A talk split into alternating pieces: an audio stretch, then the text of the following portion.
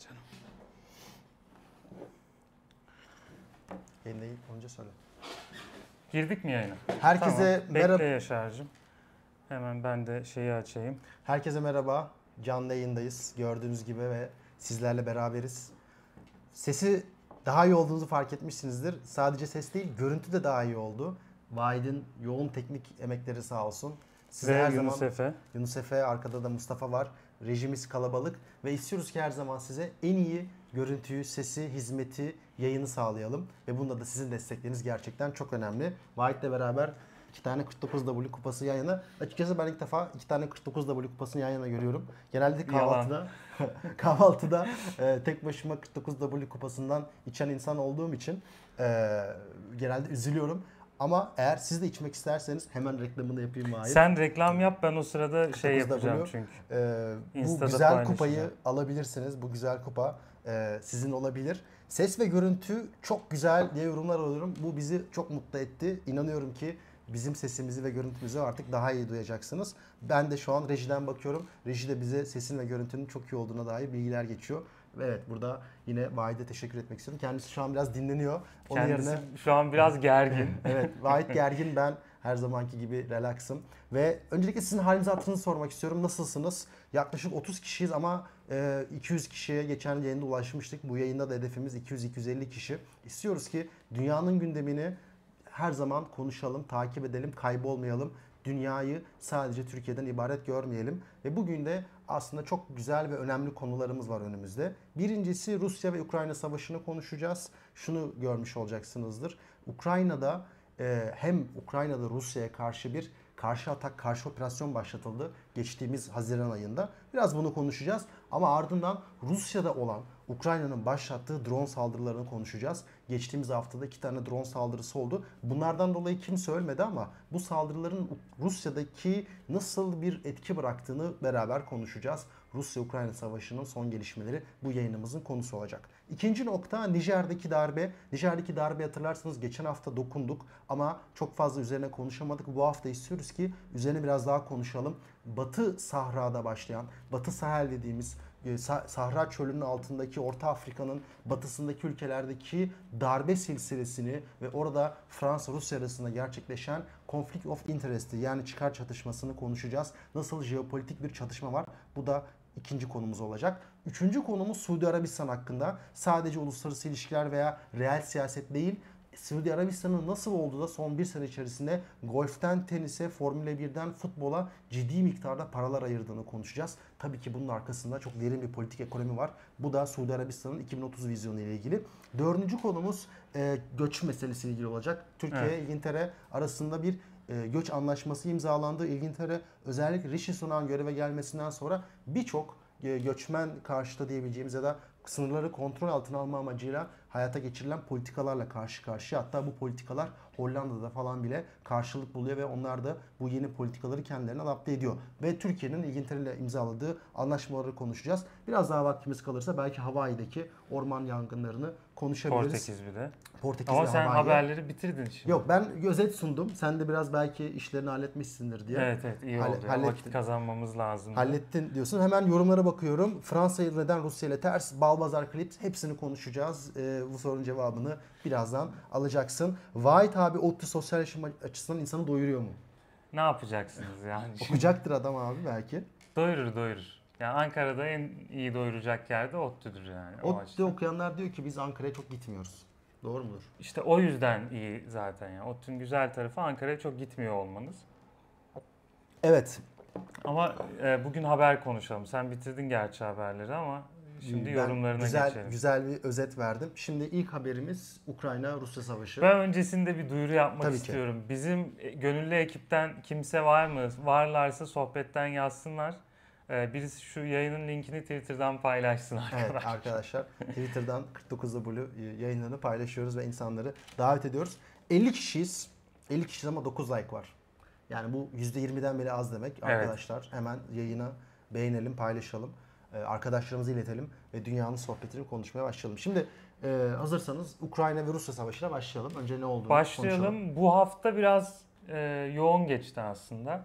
tabii alıştık birazcık şey var. O gündem yorgunluğu var. Ama iki tane drone saldırısı haberi oldu. Bir yandan da işte bu geçtiğimiz haftalarda tahıl koridoru anlaşması bitmişti. Hı hı. Ee, tahıl koridoru anlaş ayağını sallamazsan iyi olur. Tahıl koridoru anlaşmasının bitişinin hemen peşine bir de Türkiye'de şey olunca Kocaeli'de TMO'da yangın çıkınca patlama olunca bazıları bu ikisini birbiriyle ilişkilendirdi. Fransa'da da acaba bir tahıl saldırısı acaba oldu. bir komplo mu var diye e, bir Rusya saldırısıyla mı karşı karşıyayız diye ama bunları bir kenara bırakıp direkt Ukrayna'da ve Rusya'da ne oluyor sorusuna bakmak bile bence bize bazı cevaplar verecek. Ukrayna Rusya'ya saldırdı. iki tane. Bir tanesi bir tankeri batırdılar. Evet. Bir de aslında sürekli devam eden tabii onların base'lerine, üstlerine yönelik saldırılar devam ediyor. Biraz da senden ayrıntıları dinleyelim. İki tane çok önemli meseleyi gündeme getirdin. Ana hikayeyi anlatmadan önce bu tahıl saldırısı özellikle Kocaeli'ndeki patlama. Bu arada patlamanın sebebi bir saldırı mı yoksa içeride oluşan bir gaz sıkışması vesaire onu bilmiyoruz ama resmi açıklama ikinci olduğu yönündeydi. İnsanların aklında komplo var ya da hani bu işin arkasında başka bir iş var demesinin sebeplerinden biri de bugün de Fransa'da belli bir tahıl fabrikası ve tahıl deposu patlatıldı. Yani patlamış da olabilir, patlatılmış da olabilir. Dünya özellikle tahıl kriziyle karşı karşıya olabilir. Şunu unutmayın Ukrayna ve Rusya dünyadaki hem ayçiçeği olsun hem e, buğday olsun hem e, arpa olsun bunların en büyük üreticisi ve hatta e, Orta Afrika ve Kuzey Afrika ülkeleri bundan dolayı ciddi tahıl kriziyle karşı karşıya oldu. Evet. Savaş ilk başladığında. Güran'a teşekkür ediyorum. Beyzi üst diye çevirmiş. Teşekkürler. Evet. Ha. Bir yandan şuna gelelim hemen. Savaş başladığı sırada Mayıs ayında olması lazım. Ee, şey tartışması başlamıştı hatta Economist, e, Time vesaire bir e, kıtlık kapaklarıyla çıkmışlardı Evet. yayınlarına. Dünyada tahıl krizi aslında Rusya-Ukrayna savaşının başladığı zamanlarda en çok korkulan senaryolardan birisiydi. Hakkını vermek lazım. Ee, Türkiye'nin burada çok kritik bir rolü oldu. Hı hı. Ee, başka Avrupa ülkeleri de destek vermeye gayret ettiler ama Hı hı. ana payın Türkiye'de olduğunu söylemek lazım. Hı hı. Ee, ve başta Afrika ülkeleri olmak üzere dünyanın geri kalan kısmına tahıl e, dağıtımının devam etmesi için Hı hı. Türkiye orada bir aracı ve ne diyelim garantör ülke Evet. olacaktı. Ukrayna'daki tahılın özellikle Rusya'nın saldırısı olmadan dünyanın geri kalan kısmına paylaşılabilmesi için, dağıtılabilmesi için. Ee, ama burada iki şey oldu. Bir, e, Rusya bu tahılın başta Afrika ülkelerine verilmesi şartıyla e, anlaşmaya dahil olmuştu. Sonrasında dedi ki ya bu tahıl Afrika ülkelerine gitmiyor, Avrupa ülkelerine gidiyor. Evet. Avrupa ülkeleri bana bir ambargo uygularken ben niye onların tahıl almasına izin vereyim? Böyle bir kriz e, orta ölçekte sürekli devam etti. Yani hiçbir zaman e, bitmemişti ama geçtiğimiz ay Rusya bu anlaşmayı yenilemeye yanaşmadı. Dolayısıyla tahıl anlaşması, tahıl koridoru anlaşması yenilenmemiş. Onunla ilgili ben bir istatistik okumuştum. Bu istatistiğe göre o tahıl anlaşmasından ortaya çıkan, ticareti yapılan tahılın %90'ı neredeyse Avrupa'ya gidiyor. Evet. Dediğin yani Rusya'nın ona koyduğu objection dediğimiz eleştirileri, Hı hı. işte e, buna dair eleştirilerinin doğru olduğunu bu şekilde de aslında kanıtlamış oldu diye Evet. düşünüyorum. E, şimdi bu senin dediğin konu çok önemliydi. Ukrayna geçtiğimiz hafta ilk defa Rusya'nın bir gemisini batırdı. Ve bu da aslında Ukrayna'nın nasıl e, o hava, hava savunma sistemini aştığını falan ortaya koyuyor. Ama bir yandan da Ukrayna, Rusya'nın özellikle başkenti olan Moskova etrafında drone saldırıları gerçekleşiyor. Bu drone saldırıları neticesinde kimse ölmüyor bu arada. Hani öyle bir şey düşünmeyin ama geçtiğimiz hafta iki tane drone saldırısı oldu. Bu dronelar genelde herhangi bir saldırı yapılmadan e, vuruluyorlar. Geçtiğimiz Mayıs ayından itibaren yani ilk drone saldırısından itibaren ki belki hatırlarsanız bu ilk drone saldırısı olduğu zaman Rusya'da böyle bir tartışma böyle bir aha işte Ukraynalılar geliyor gibi konuşmalar olmuştu. Böyle gazeteler manşetlerine taşımıştı. Mayıs ayından beri 29 tane drone saldırısı olmuş. Bu drone saldırıları karşısında kimse ölmedi veya herhangi bir e, insani bir yaralanma olmadı. Bundan dolayı da belki hala çok böyle büyük gündeme gelmiyor ama şu önemli. Ukrayna savaşı sadece kendi topraklarıyla sınırlandırmak istemiyor. Çünkü şu noktada en büyük zararı tabii ki Ukrayna halkı ve Ukrayna devleti görüyor. Ukrayna istiyor ki bu savaşın bir kısmı da Rusya'ya taşınsın.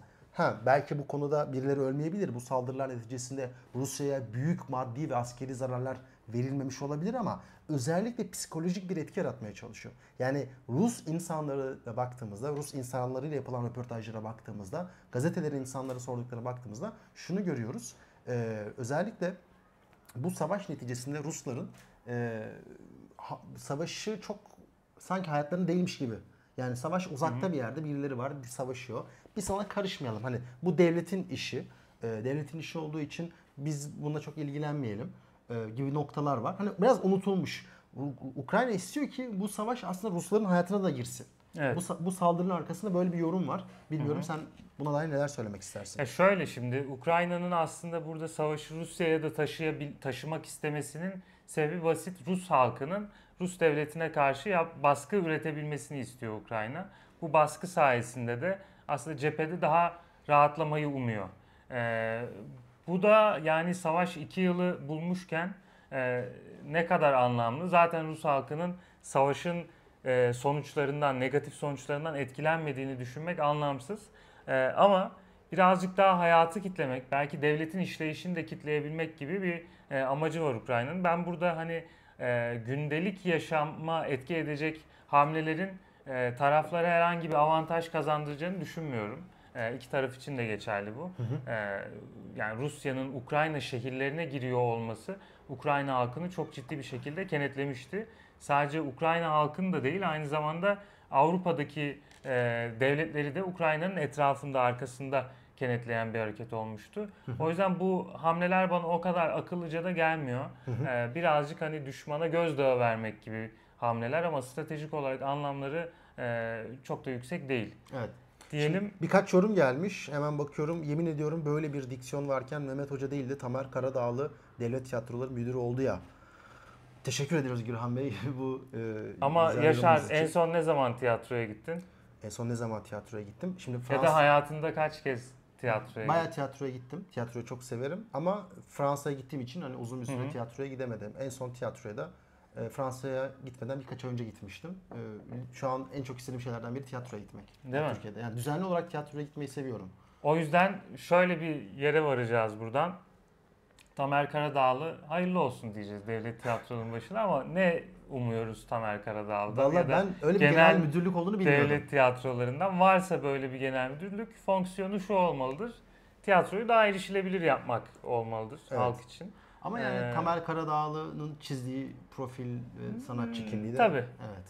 Yani o kısmı bir tarafa koyarak Evet. haberlere dönelim Evet diyorum. şimdi Ukrayna'nın saldırdığı ve batırdığı gemi savaş gemisi değil. Evet doğru. Bu arada o açıdan hava savunma sistemleri açısından değerlendirmek çok da doğru değil. Nakliye gemisine saldırıp hasar verdiler. Batmadı, batmadı demiş. Ee, herhalde e, batmamış. Ben e, ağır hasar verip böyle batırma yakın diye okumuştum ama demek ki e, belki biraz da Ukrayna yanlısı gazetelerin gazına mı Tabii olabilir. yine? Evet. Ee, bir de şunu ıskalamamak lazım. Yani e, savaşın ekonomik yaptırımlarının yanında aslında böyle ekonomik saldırılar da atıyorum işte o gemi e, yük gemisi ise e, oradan verilecek ekonomik tahribat belki sahada verilecek askeri tahribattan daha işe yarar da olabilir Ukrayna adına. Hı hı. Yani işin öyle bir tarafı var.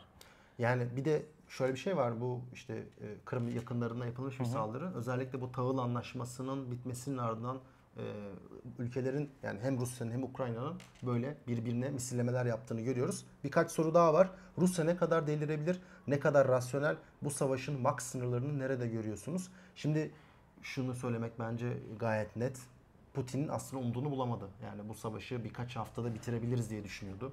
Ee, Ukrayna'ya, Kiev'e e, doğrudan yürüyeceğiz diye düşünüyordu ama karşısına gerçekten Kiev'e yürümeyi düşünüyor muydu gerçekten? Tabii ya, Yoksa Karsun bölgesi işte Doğu Ukrayna'yı e, elinde tutmak onun için yeterli olacak mıydı? işte aslında Doğu Ukrayna yani bugün bizim Aha. Donbas dediğimiz bölgeyi elinde az çok tutuyordu. Hatta Evet. bugün zaten e, birçok ülke tarafından tanınmasa da orada halk cumhuriyetleri var. Donbas evet Halk işte Cumhuriyeti. bunların resmi ya resmi demeyeyim de hani defakto olarak tamamen Rusya'nın kontrolüne geçmesi gibi bir amaç içeriyordu aslında. İşte bunu yapabilirdi ama bunun ötesine de geçmek istedi. Yani e, Kiev'e kadar yürümek çünkü şöyle diyelim güneyde takılmasaydı e, daha ilerleyecekti. Savaşın bu kadar uzamasının sebeplerinden biri güneyde takılmış olması. Böyle bir e, karşısında güçlü bir Ukrayna savunması beklemiyordu. O açıdan hani Rusya tam umduğunu bulamadı. Hatta böyle e, Rusya'nın içerisindeki kamuoyuna baktığınızda daha savaşa yakın militer hesapların şöyle yorumlar yaptığını görüyoruz. Artık bu özel operasyon lafını bir kenara bırakalım. Biz full scale war dediğimiz yani topyekun bir savaş ilan edelim. Bu topyekun savaşla beraber genel bir seferberlik çağrısı ve 2-3 milyon askerle Ukrayna'nın üzerine yürüyelim. Yoksa bu savaş uzadıkça biz bundan hem e, reputasyon anlamında hem de askeri ve ekonomik anlamda zarar görüyoruz gibi yorumlar var. Yani ekonomik tarafını bir kenara koyalım. Ben şu anda askeri anlamda Rusya'nın e, belli bir zarar görme eşiğini aştığını düşünüyorum. Artık e, aldıkları zararların marjinal olarak Rusya'yı çok ciddi ölçüde tekrar düşünmeye sevk edecek bir seviyede olduğunu düşünmüyorum. E, ama karşı tarafa baktığınızda Ukrayna sürekli olarak yardım istemek zorunda Avrupa ülkelerinden. Çünkü hani kapasitesi belli ülkenin ve sürekli aslında taşıma suyuyla dönen bir savaş var Ukrayna adına. Ve Ukrayna sürekli Avrupa ülkelerinden, ABD'den, İngiltere'den yardım istemeye devam edecek. Bu nereye kadar sürdürülebilir? Yani savaş Rusya için şu an hala sürdürülebilir bir opsiyon. Ukrayna için ise sürdürülebilir bir opsiyon değil. Bunu hesaba katınca da savaşın uzamasının Rusya ilk etapta zararı olduğu yani Rusya atıyorum işte iki haftada bitecek diye öngördüğü bir savaşın iki aydan fazla uzaması e, bu Rusya'ya vereceği zararı verdi. Ama şu anda iş bir frozen konflikte doğru evriliyor zaten. Yani dondurulmuş bir çatışma bölgesi. Evet. Hani çatışmanın bir şekilde bitmeyeceği, bir e, armistis ya da bir e, barış anlaşmasının imzalanmayacağı ama e, çatışma yoğunluğunun düşeceği bir senaryoya gidiyor olabiliriz. E şimdi Rusya'nın e, aldığı en büyük zarar ne oldu? İktisadi anlamda Batı bloğundan dışlanması oldu. E ama bu dışlanma Rusya'nın hesap etmediği ya da e, korktuğu bir şey olsaydı Ukrayna'ya girmeyi en başından beri düşünmezdi. Çünkü girdi ve Ukrayna'da e, gücünü e, tahkim etti diyelim ki. Doğu Ukrayna'yı aldı. E, bunu zaten dünyaya hiçbir şekilde kabul ettiremeyeceğinin farkında olan bir Rusya var karşımızda. En fazla olacağı Kırım örneğinde olduğu gibi e, göz yumulacak bir hikaye olabilirdi. Ama bu senaryoda bile e, NATO ile görüşmelerini ilerletmiş bir Ukrayna karşısında Rusya'nın alacağı herhangi bir zaferin e, uzun vadede Rusya'yı her zaman Batı bloğunun dışın- dışında tutacağını Rusya biliyordu. O yüzden de ben şu anda savaşın devamının e, Rusya'ya Rusya'nın hesap ettiğinden daha fazla bir zarar vereceğini düşünmüyorum.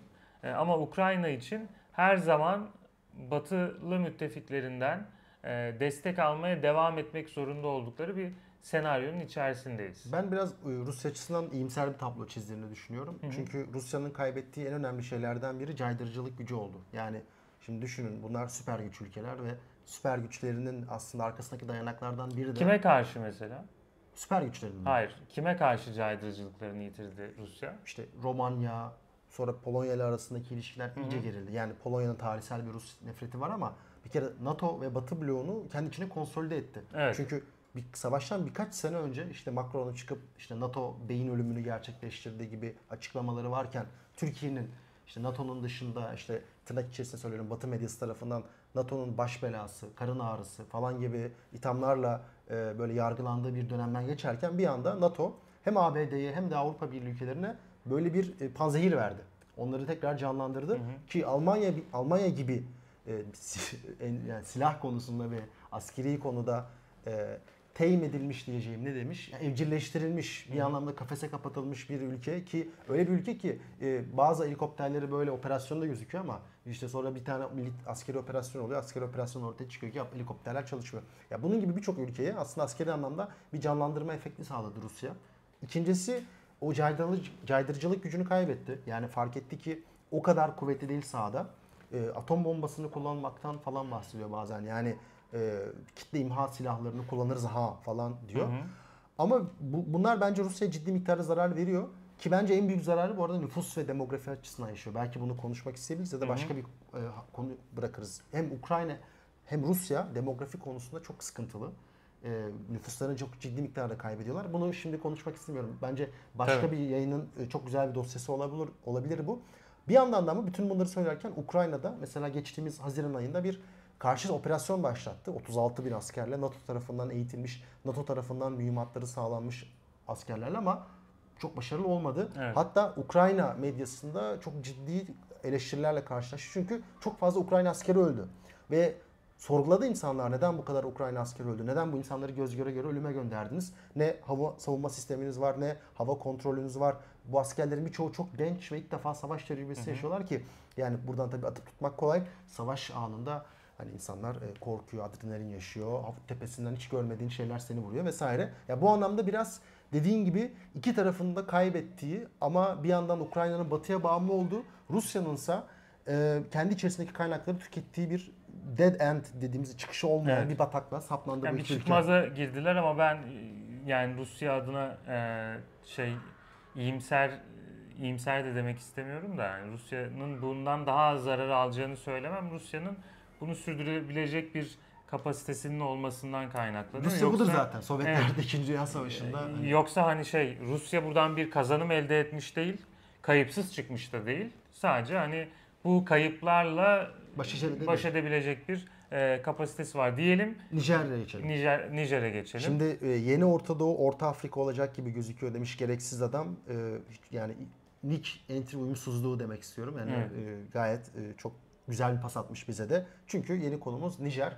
Şimdi, Niye Orta Afrika ama? E, Orta Afrika'dan bence kastı o Sahra bölgesi. Sa- Sahel bölgesinden aynen, mi yoksa Sahra altından mı bahsediyor? Ya ben tam işte bu Çad, Nijer... Kongo ve Kongo'nun batısı Kongo'nun kuzey batısı. Aynen, aynen. Oradan bahsediyor. Ben öyle, öyle anladım. Aha. Şimdi Nijer'deki biliyorsunuz darbeyi geçen hafta biraz konuştuk ama tekrar onu biraz hatırlatalım seyircilerimize.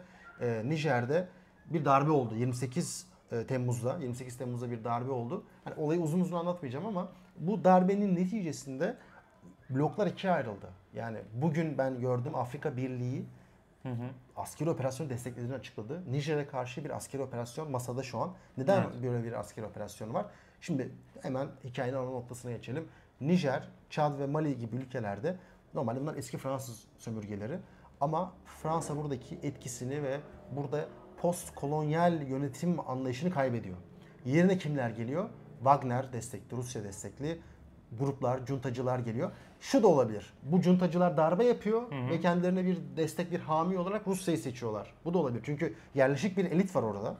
Bu yerleşik elitin arkasında da Fransa var. Siyasi, ekonomik, kültürel olarak ve bunu devirmek isteyen, hı hı. bu yerleşik elitten memnun olmayan insanlar, gruplar var. Bunlar bir alternatif olarak Rusya'yı seçiyor olabilirler. Yani Tabii. şey gibi değil hani Rusya hadi siz bu darbe yapın gibi değil de aynı anda bu ikisi beraber gerçekleşiyor olabilir ama biz Batı Sahel bölgesinde Rusya Fransa çatışmasını görüyoruz. Fransa yavaş yavaş yavaş bölgeden çekilmek zorunda kaldı. Evet ya sen geçen bölümde de bahsetmiştin. Bir operasyon Barkan var mesela. Özellikle başta Mali olmak üzere Burkina Faso, Nijer gibi ülkelere de Fransa'nın 2013'te başlayan ve 2022'nin sonunda e, tamamlanan bir operasyon. Fransa buradan askerlerini çekiyor. Şimdi operasyon evet görünürde oradaki terör örgütleriyle mücadele etmek amaçlı ama şunu da görüyoruz. E, ya Orta Afrika altın madenlerinin çok yoğun olduğu bir bölge ve oradaki o madenlerin çıkartılması, işletilmesi, satılması bundan yine bahsetmiştik geçen hafta. Bunların hepsi bir paket gibi aslında. Bir güvenlik paketi sunuluyor bölgedeki siyasetçilere ya da güçlere, güç odaklarına ve e, onlarla dışarıdaki işbirlikçileri arasında dönen bir ticaretten bahsediyoruz. Karşılıklı bir kazanç ilişkisi. Burada üçüncü taraf olarak kalanlar yani ordu içerisindeki başka cuntalar, başka subay ekipleri e, bu pastadan pay almak istiyor olabilirler. E, bu pastadan Fransa'nın pay almasını istemiyor olabilirler. Ya da bu pastadan işte bölgedeki iktidarın pay almasını istemiyor olabilirler. Dolayısıyla işte dışarıdan müttefikler bularak e, Wagner gibi e, burada iktidarı değiştiriyorlar. Ama burada mevzu şu bir kısır döngü var Yaşar. Yani bir bir taraf darbe yapıyor, bir öbür taraf darbe yapıyor. Belki başka bir gün üçüncü taraf darbe yapıyor. Burada e, yabancı devletlerin Afrika'da nasıl ilişkilendiğini konuşmamızda bence fayda var. Çünkü hı hı e, Türkiye de Afrika'ya giren yabancı güçlerden bir tanesi. Çin de aynı şekilde yabancı güçlerden birisi. Ama biz mesela Çin'le ilişkilendirilen bir darbe görmüyoruz. Çünkü evet. Çin'in e, Afrika'da askeri varlık olarak e, güçlü bir pozisyon aldığını görmüyoruz. Bir tek Cibuti'de e, birkaç sene önce böyle bir tıpkı Türkiye'nin Somali'de yaptığı gibi orduyu eğitme tarzı işler aldılar Çinliler. Yani bir güvenlik e, diplomasisi de kurmaya başladılar ama Çin'in Afrika'da temelde e, ticaretle var olduğunu görüyoruz. Doğal kaynakları işleme konusunda var olduğunu görüyoruz. Ciddi bir enerji altyapısı yatırımı yaptığını görüyoruz. Demir yolu yaptığını görüyoruz. İşte Kenya'ya ta hani e, biz şimdi kuzey batı tarafını konuştuk. Sahil bölgesini konuştuk ama e, Çin aslında ta Güneydoğu Afrika'dan başlayarak işte Kenya'dan, Etiyopya'dan, Somali, Cibuti'den, Etiyopya. Somali'den başlayarak e, her bölgede aktif olmaya çalışan bir ülke ve ticaret partnerliğini nasıl diyeyim 2010'lu yıllarda çok hızlı bir şekilde arttırdı. Yani Evet. bunu arttıran bir başka güç Türkiye mesela. E, Türkiye elçilik sayısını, konsolosluk sayısını çok fazla arttırmıştı ama Çin'le kıyasladığında Türkiye'nin de aslında zayıf kaldığını görüyorsun. Bunun da bir sebebi var ama Çin tabii elinde çok devasa bir kaynak var. ya bir de şu var. Yani bugün belki çok fazla konuşmayız ama bu başka bir video konusu olsun. Türkiye'nin Afrika yatırımları yani özellikle 2014'ten sonra daralmaya başlıyor. Çünkü Türkiye'nin ekonomik Gücü e, zayıflıyor. gücü zayıflıyor o tarihten sonra. Türkiye ekonomik olarak zayıfladıkça da Afrika'da artık ticari değil de askeri Evet. ilişkileri üzerinden e, iş, işleri yürütmeye başlıyor. Daha Somali'de bir diplomasi- askeri üssümüz var yanlış Tabii. Somali'de, Sudan'da, Etiyopya'da bu tip ilişkilerimiz var. Evet. Ee, artık Türkiye'nin diplomasisi öyle oraya yatırım yapan, kalkınma yatırımları yapan bir ülke olmaktan çıkmış. Evet insani yardımlara devam eden ama daha çok askeri diplomasi üzerinden işleyen bir hikaye dönmüş. Çin'in bir başka özelliği de var. Bunu da Ona geçmeden e, sen şundan bahsettin. Yani e, dedin ya burada altın madenleri var. Evet. Gürhan Bey eklemiş uranyum madenleri de çok önemli. Özellikle Nijer'de. Çok önemli çünkü Fransa hı. biliyorsunuz 56 tane nükleer reaktörle beraber dünyada elektriğini en fazla nükleer enerjiden üreten ülke. Evet. Ama e, son yıllarda Fransa'da bunun farkında olduğu için Fransa özellikle Orta Asya'dan, Moğolistan'dan çok fazla uranyum almaya başladı. Yani Evet. e, mesele salt kaynak açısından bakmayalım. Kaynaklar önemli. Altın, uranyum gibi madenler ve da nadir elementler ki Çin'in bir noktada Afrika'da bulunması sebeplerinden biri de Evet. nadir elementler. Ama Fransa'da zaten e, bu uranyum bağımlılığından, Afrika'ya olan uranyum bağımlılığından kurtulmak için Orta Asya'ya ciddi bir yatırım yapmıştı. Mesele kaynakların yanında bir de şu. Şimdi sahil bölgesi tam olarak o Sahra bölgesinin orada olduğu için oranın elinde tutması aynı zamanda Avrupa'ya olan göç akışını engelliyor. Tabii. Yani Avrupa'ya olan göç akışını engellemek için e, Fransa bu ülkeleri bir ne diyelim ya bir Frontex Bir- bir- gibi aynen, bir aynen. senaryo bir duvar gibi orada. düşünüyor. Yani Aynen. burada da bir zaten istikrarsızlığın kendisi zaten göçü tetikliyor. Yani bugün baktığımızda bütün bu Afrika'dan gelen göç dalgasının temelinde Libya Savaşı olduğunu görüyoruz. Yani Evet. Libya orada bir istikrarsızlık yaşayınca orada hiçbir devlet kalmadı. Bir de- Hepsi İtalya üzerinden Avrupa'ya Tabii. geçmeye başladı. Şimdi orada bir devlet mekanizması olunca bir, bir kere şu oluyor. Yani en kötü sınırda insanları tutuyor. Evet. işte sahillerden teknelerin kalkmasını falan engelliyor. Bugün mesela neden Türkiye ile çok rahat Avrupa ülkeler anlaşma yapabiliyor? Orada bir devlet mekanizması Tabii. var. Yani sonuçta İşte İngiltere şeyini Aynen, konuşacağız, birazdan. Şimdi ortada bir Libya gibi bir devlet olmayınca ne oldu? Orada hiçbir otorite kalmadı. Ama işte da- oraya gelmeden Fransa ve İngiltere ve diğer e, Avrupa ülkeleri oraya gelmeden o çöl bölgesinde ülkeleri e, zapt etmek istiyor. insanları zapt etmek istiyor. Bundan dolayı ikinci bir nokta olarak da bu ülkeler önemli. Üçüncüsü tabii ki stratejik öneme sahip. Yani Evet. o ülkeler eski Fransa'nın sömürgeleri ve Vahit dedi ya e, Fransa karşıtlığı var. Bakın Nijer'de darbenin ardından protestolar gerçekleşti. Çünkü operasyon ihtimali olunca insanlar sokağa çıktı. Bu sokağa çıkan insanların Rusya tarafından follandığı gibi haberler dolaştı. Bilmiyorum. Size bırakıyorum. Hani belki e, sipariş haberler de olabilir. Oluyor böyle şeyler. İnsanlar Rusya bayrağı taşıyordu. Evet. Ve- Türk bayrağı açan da olmuştu Öyle mi? mesela. O ne alaka abi dedik bir anda böyle Nijer'de darbe olmuş ve Türk bayrağı. Yani ilişkilendirilmek isteyeceğimiz bir şey de değil aslında. evet.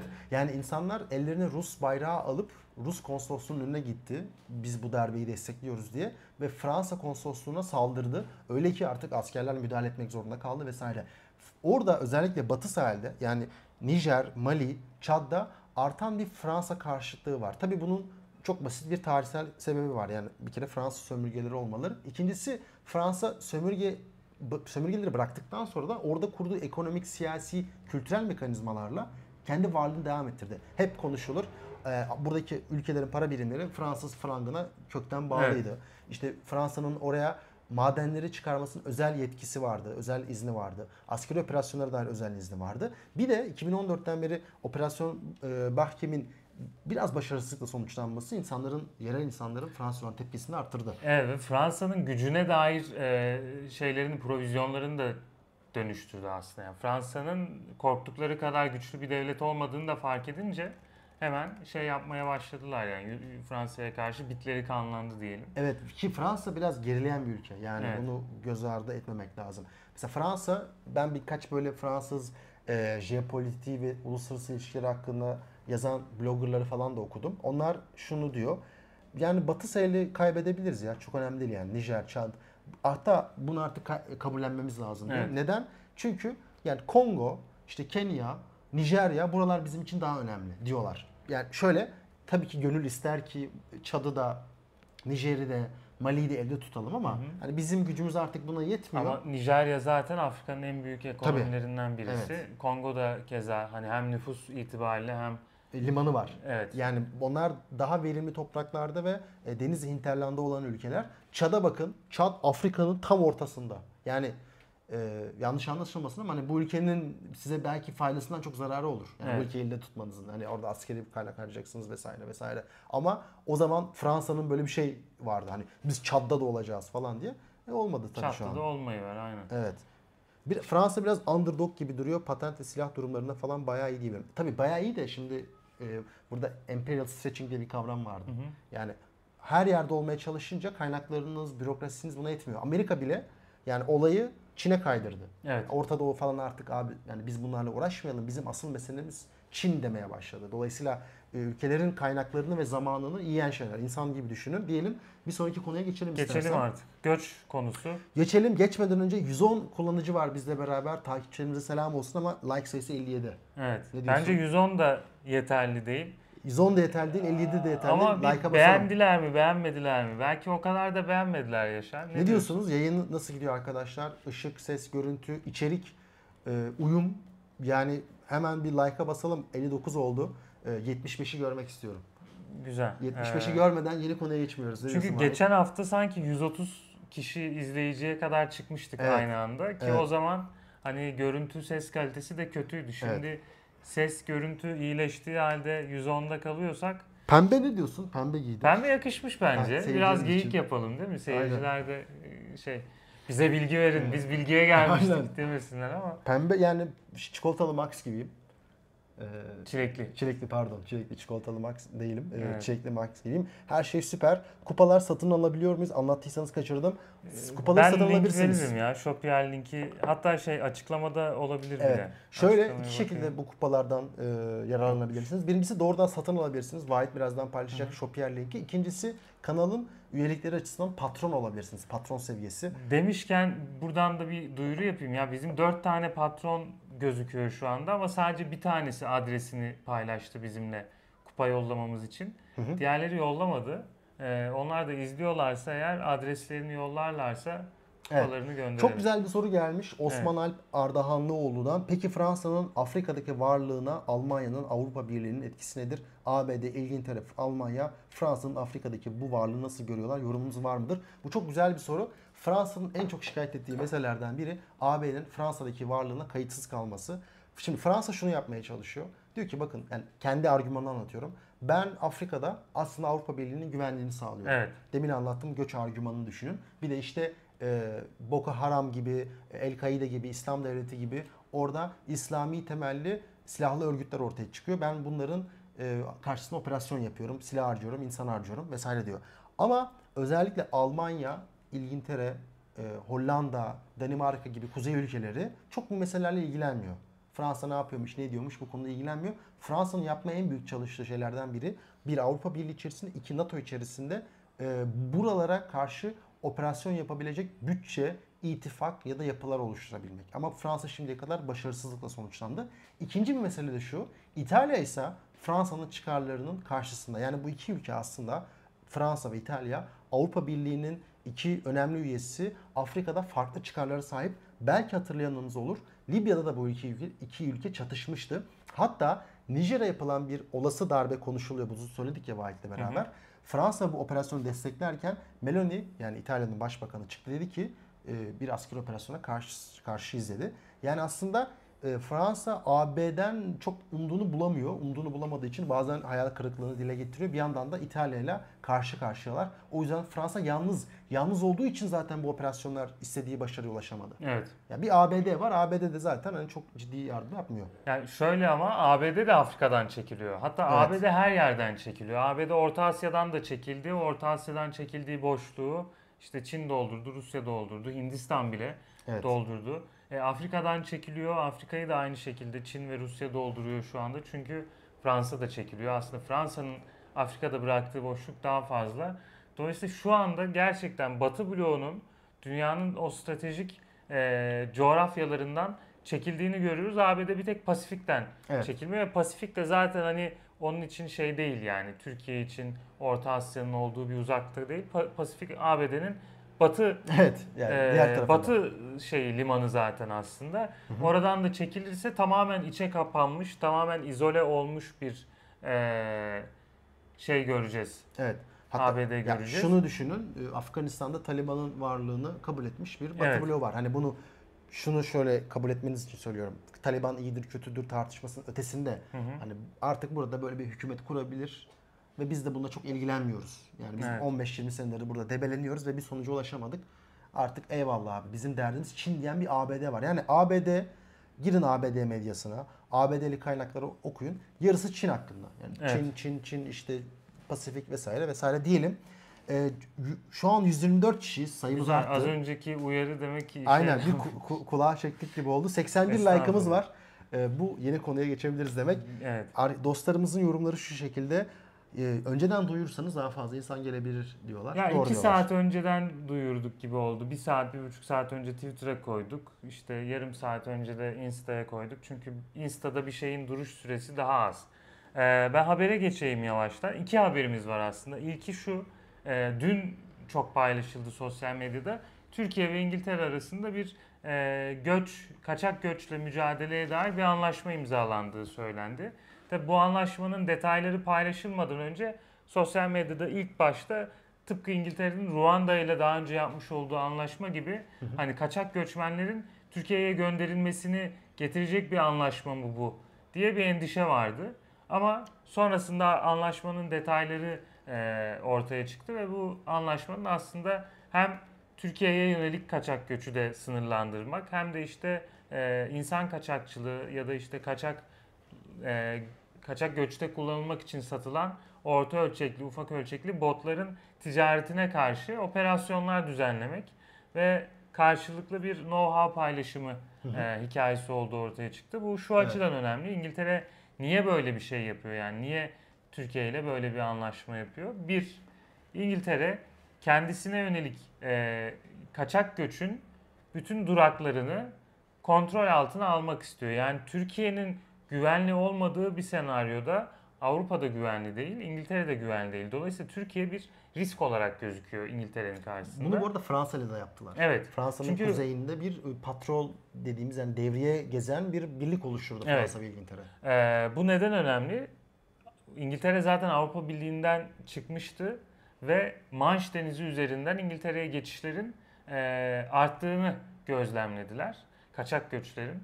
Dolayısıyla bunu engellemek için Fransa ile işbirliği yapmak zorunda. Her ne kadar Manş Denizi üzerinde Fransa ile İngiltere arasında ciddi çatışmalar olsa bile şey anlamda hani askeri çatışma değil de iktisadi çatışmalar Bazen balıkçılık bile. çatışmaları Tabii tabii çok- balıkçılar birbirine giriyor falan Aynen. ve balıkçı tekneleri savaşıyor. Bu arada AB'nin temel meselelerinden biri balıkçılıktır. Evet. Hani balıkçılık çok önemli. Ee, Türkiye'ye dönelim. Türkiye'nin de burada aslında evet bir yandan Avrupa Birliği ile o geri kabul anlaşması imzalamasından e, dolayı yapılan bütün batılı güçlerle yapılan bütün anlaşmalarda şey korkusu var. Ya ellerindeki göçmenleri bize mi kitleyecekler falan diye. Ama bu anlaşmada mevzunun bu olmadığını görüyoruz. Aslında İngiltere Türkiye'ye diyor ki ya bu kadar da çok kaçak göçe izin verme. Yani Avrupa'nın dediğinin birazcık tersini söylüyor gibi. Çünkü Türkiye'nin göç konusunda e, riskli bir ülke haline gelmesi, riskli bir coğrafya haline gelmesi bu göçün en e, ufak bir kriz anında Avrupa'ya da sıçraması demek. Avrupa üzerinden İngiltere'ye de sıçrayabilmesi demek. Evet. Yani iş İngiltere'nin e, çerçevesinden böyle. Ha, bizim gözümüzden mevzu nasıl dersek Oraya geçmeden mesela Rishi Sunak'ın yaptığı tek şey bu değil aslında. Evet. Yani dediğin gibi Türkiye ile imzalanmış bir anlaşma var. Arnavutluk'la Ruanda ile Fransa ile imzalanmış bir görüntümüz anlaşma var. gitti Yunus Efe. Ee, Ruanda ile imzalanmış bir anlaşma var. Hı hı. Bunun yanında e, İngiltere'nin göçmen yasasını değiştirdiğini görüyoruz. Daha Evet. doğrusu işte bir yere e, apply edince asylum seeker dediğimiz e, Evet. siyasi anlamda göçmenlik Türkçesi neydi? E, iltica İltica başvurularının Başvurusu. yasasını değiştirdiğini vesaire Evet. görüyoruz. E, bir yandan bu son özellikle e, çok gündemde olan e, gemi meselesi. Yani Evet. göçmenleri bir gemiye e, gemide bekletmek, işte gemide beklettikten sonra belki vatanlarına göndermek veya ülkeyi kabul etmek gibi birçok konuda atılmış adımlar var. Yani özellikle bu muhafazakar siyasetin e, gündeminde olan bir mesele. evet, İngiliz meselesi. muhafazakarlarının. Evet. Ve bence dünyaya e, Şunu birlikte konuşmak olacak. gerekiyor bence. Yani İngiltere'nin bir yandan böyle bir ajandası var ama bir yandan da şu yok mu? Yani İngiltere özellikle Brexit sonrasında nitelikli iş gücüne olan ihtiyacı e, ve nitelikli iş gücünü kazanmak için attığı adımları da arttıran, e, artmış bir ülke. Yani e, yetenek başvuruları artıyor. İngiltere'de buna dair kolaylıklar artıyor. E, bir yandan aslında göçmen istemiyor ama bir yandan da iş gücü istiyor İngiltere. Böyle bir ikilem var. Burada ayrımı nasıl kurmak lazım? İngiltere artık sanki daha kalifiye tabii göçmene açıkken kalifiye olmayan göçmenlere sınırlarını tamamen kapatmaya çalışıyor. Bir anlamda böyle toplumunu daha steril, daha korunaklı bir çizgiye çekmek ister bir hali var. Kesinlikle. Yani şunu kabul etmek gerekiyor. Avrupa ülkeleri, Kanada, ABD'nin göçmen alması şaşırtıcı değil. Çünkü bu ülkelerin aslında çok ciddi bir iş gücü açığı var. Çok ciddi bir iş gücü açığı olduğu için bu ülkeler sürekli göçmen almak zorunda ama buradaki temel endişe birincisi e, bunun kontrol edilemez olduğu düşüncesi. Yani Evet. burada kontrol Burada edilmiyor mu? Yunus fokus bizde mi? Yani kontrol edilmediğini düşündüğü için e, daha aslında bir Önde değil değil İkileşme mi? yapılıyor. İkileşme oluyor. Şimdi bundan dolayı İngiltere gibi ülkeler, Danimarka da buna dahil, Kanada da buna dahil. Dediğim gibi daha e, becerisi yüksek olan Tabii. insanları alırken bu tarz işte kimliği belirsiz tırnak içinde kullan- kullanıyorum ya da ne olduğu belirsiz gruplara karşı daha dışlayıcı bir tavır içerisine giriyor. Peki buna neyi çözmüş oluyor? Aynı anda hem ekonomik ihtiyaçlarını giderirken hem işte iş gücünü arttırırken hem ülkeye sermaye sokarken bir yandan da ülke içerisinde göçmenlerin varlığıyla oluşan yabancı karşıtlığı hissiyatını da törpülemiş, onu kontrol altına almış oluyor. Çünkü insanlara şunu diyebiliyorsunuz. Sakin olun. Sakin olun. Ne yaptığımı biliyorum. İnsanları ben hesaplayarak alıyorum. Bu ülkeye faydası olan insanları alıyorum. Dolayısıyla düşün yani kapılacağınız kaygılara ve endişeye gerek yok. Aslında endişeye mali yok diyor. Evet. Şimdi bundan dolayı e, İngiltere'nin ben bir rol model olabileceğini düşünüyorum. Yani rol model derken bunları bir normatif anlamda iyi bir şey olarak söylemiyorum ama diğer ülkelere e, politika anlamında ve bir vizyon anlamında bir e, aslında rehber olacak. Çünkü işte Fransa'da belki bunu denemeye çalışacak. Danimarka'da bunu denemeye çalışacak. Yani ortada bence bir de şu var. E, tabii ki eğitimli insanlar alacak. Çünkü düşünün Türkiye'de bir doktor yetişiyor ya da Hindistan'da bir doktor yetişiyor veya Gana'da bu üç ülkeyi vermem e, bu arada öyle tesadüfi değil. Tesadüf değil, Yani aynen. An- Gana, Hindistan ve sonra Türkiye dünyada en çok doktor kaybeden ülkeler arasında. E, bedavaya, e, sıfır sermaye doktor e, ihraç ediyorsunuz. Bu çok önemli bir şey aslında. Tabii. Yani kapit Dillerini de kendileri öğrenmişler. Zaten Hindistan için öyle bir şey de Evet. söz konusu değil. Yani küreselleşmeyle beraber biz insan kaynağında çok ciddi bir e, şöyle bir şey yok. Batı ülkeleri lehine bir durum var. Evet. Yani küreselleşmenin getirdiği. Bu e, küreselleşmenin getirdiği coğrafi bir division of labor'dan bahseder ya Robert Cox. Evet. Yani bir e, emeğin iş bölümü artık işte IT sektörü Hindistan'da yetişsin abi. İşte atıyorum Türkiye doktor yetiştirsin Avrupa'ya. E, yöneticiler de e, şeyden çıksın. Daha merkez ülkeler olan Avrupa ve Amerika'dan çıksın. İşte ucuz iş gücü e, Çin'de ya da Güneydoğu Asya'da ya da şimdi Afrika'da e, imalat sektörü gelişsin vesaire vesaire aslında küresel bir e, değer zinciri var. Bir e, ne diyelim üretim ağı var ve bu üretim ağı içerisinde ülkelerin kendilerince bir iş bölümünde payları var. Herkes kendi üzerine düşeni yapıyor. Evet. Şimdi e, burada Burada ben bir batarya ne durumda Yunus diye sormak istiyorum. Tek diş. tıklayış ses. Kırmızı yanarsa şurada şarj Evet. oluyor, diğerini Evet, takarsın. batarya değişiminde bazen görüntü gidebiliyor arkadaşlar. Sizler de yazıyorsunuz, uyarıyorsunuz. Teşekkür ederiz. Ee, hemen onlara müdahale ediyoruz. İngiltere'nin özellikle eğitimli Hintlileri aldığını görüyoruz ama MENA veya diğer Asya bölgelerinden neden eğitimli göçmen almıyor? Bunu ben anlatayım istersen. Tamam. Şimdi Hint bölgesi İngiltere'nin en eski sömürge topraklarından bir tanesi. Hatta ne zamana kadar devam etti bu? 1940'ların sonuna kadar. Yani 2. Dünya Savaşı sonrasındaki o dekolonizasyon, sömürgeleşme karşıtı hareketlere kadar Hindistan'ın kontrolü İngiltere'nin elindeydi. İngiltere bir vali eliyle Hindistan'ı yönetiyordu. Hindistan, Pakistan, Bangladeş buraların kontrolü İngilizlerdeydi. Ama MENA için bu tam olarak bu şekilde değil. Yani zaten Birinci Dünya Savaşı'na kadar Osmanlı kontrolünde yani MENA derken işte Orta Doğu ve Kuzey Afrika'dan bahsediyoruz.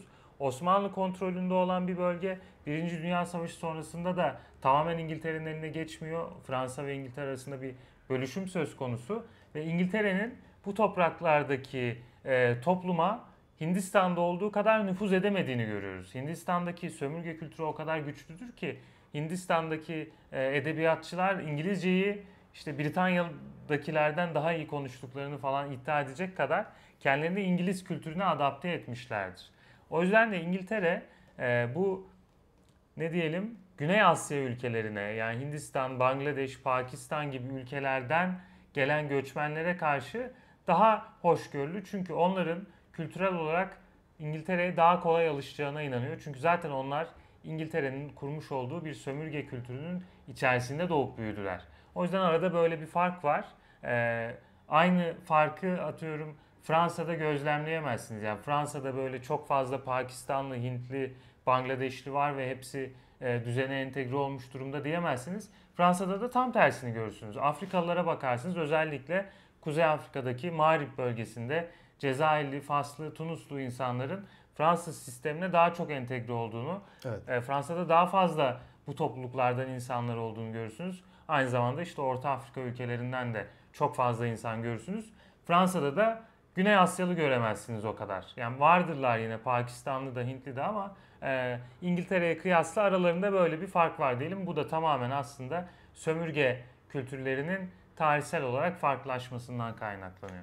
Diyelim ve istersen son konumuza Suudi Arabistan'a geçelim. Evet. Bu konuda eklemek istediğin başka bir şey Yok yoksa. zaten süremiz de azaldı. Batarya ile ilgili bir başka kriz yaşamadan son haberimize geçelim. Son haberimizin başlığı yayının başında da söylediğim gibi Suudi Arabistan'ın devasa spor yatırımları. Belki dikkatinizi çekmiştir. İşte başta Cristiano Ronaldo Hı hı. geçen sene Al Hilal'e gitti. Evet. Bu sene Benzema ve e, Saudi Mane. El e, Nas hangisiydi? El Hilal hangisiydi? Al- işte El Hilal bu Ronaldo'nun gittiği Aynen. sarılı mavili bir takım. E, biz de yeni yeni öğreniyoruz Suudi Arabistan İşte Ligi'ni. hikaye burada Aynen. zaten. Biz öğreniyoruz şu Aynen. anda. Yani Suudi Arabistan aslında devasa bir yatırım zinciri başlattı. Hı hı. Şimdi e, ben biraz verilere baktım, biraz bu hikayeye e, çalıştım. 2022-2023 yılında Suudi Arabistan'daki oynanan futbol maçlarının seyirci ortalaması 9300. Ve oranın en golcü futbolcusu var. Güzel Hemen bu arada 9300 az değil. Fena yani değil. Seyirci derken tribündekileri Aynen tribündeki yani çok çok çok değil yani aslında Evet. hikaye o. Mesela ama en- hani TFF birincilikten çok mesela. bilmiyorum TFF birincilikten çok değildir. Çoktur abi ya o kadar stat kapasitesi yok insan. Bilmiyorum yani ben şimdi bilmediğim bir Ben Erzurum Konya maçına gitmiştim. Süper Lig maçıydı abi. Ee, Evet. Zaten stat kapasitesi 25 bin vardır yoktur. Stadın yarısı boştu yani. Evet. Bu arada hemen e, Games with Blues Ronaldo Al Nasır'a gitti demiş. Doğru Al Hilal değil. E, hemen Tamam. düzeltmiş oldum. Seyircilerimize bayılıyorum. Hemen düzeltiyorlar bizi. Şimdi bu ve burada bu Suudi Şey gibi oldu bu arada. Habersizler gibi oldu. Buradan Flu'dan gelenler de hemen şey yapabilirler. Şimdi- selam şimdi- edebilirler. Şimdi Ronaldo'nun e, şey Ronaldo nereden çıktı? Suudi. Arabistan'daki bu son 3 sezonda en çok golcü olan futbolcunun ismi Abdurrezzak Hamdallah. Hamdallah milli takımda da forma giyemeyen futbolcu. Şimdi bunu anlatmamın sebebi Suudi Arabistan Ligi gördüğünüz gibi hiç rekabetçi bir lig değilken son dönemde Ronaldo, Benzema, Saudi Mane ardından golfte Mane de mi gitti? Tabii Mane de gitti. O nereye gitti? O da Ronaldo'nun takımına gitti. Allah Ee, Allah. evet. Ve bunu sadece futbolla sınırlı değil. Yani bir kere Formula 1 yeni pisti inşa ediliyor Riyad'da. Üzerine 2029 Asya Kış Olimpiyatları, şaşırtıcı kış olimpiyatlarının Suudi Arabistan'da olması ama kış olimpiyatları Arabistan'da yapılacak. Ee, golf'te Amerikan Ligi ile birleşme teklifi verildi. Şu an ABD Adalet Bakanlığı burada işte rekabete aykırı bir durum var mı diye falan e, inceliyor. Şimdi buradaki mesele şu. Ee, bu da sadece aslında kendi liglerine yapılan harcama değil. Newcastle United 2019'da 391 milyon ya 2021 ya 2019'da 391 milyona satın almıştı. Şimdi bunlar bize şunu gösteriyor. Suudi Arabistan devasa bir spor yatırım yapıyor ve burada yaklaşık 50 milyar dolar bir bütçe ayırdılar. 50 milyar dolar çok büyük bir para aslında. Şimdi e, bu Saudilerin girişi Saudilerin girişi bize aslında bir trendi gösteriyor. Bu trend ne? Birleşik Arap Emirlikleri, Katar, görüntü gidecek arkadaşlar burada. Hiç merak etmeyin ben anlatmaya devam edeceğim. Ee, Suudi Arabistan, Katar ve Birleşik Arap Emirlikleri'ni takip ediyor. Normalde biliyoruz ki Katar öncesinde de e, Katar öncesinde de çok ciddi bir yatırım yaptı ve Dünya Kupası'nı kendi ülkesinde düzenledi. 2022 Dünya Kupası e, biliyorsunuz Katar'da oldu. Ardından Birleşik Arap Emirlikleri e, Manchester United'ı satın almıştı. Yani orada çok ciddi bir başarı sağladı. Şimdi bunlar aslında bize bir trendi gösteriyor. Bu trend nedir? Suudi Arabistan özelinde de diğer ülkeler özelinde de bize gösterilen trend nedir? 2030'da Suudi Arabistan bir vizyon söyledi. Nedir, Nedir bu? bu vizyon? Abi bizim ülkemizin %45, %50'si petrole bağımlı. Bizim bütün ekonomimiz petrole bağımlı. Ve bundan dolayı bizim ekonomimizi çeşitlendirmemiz lazım.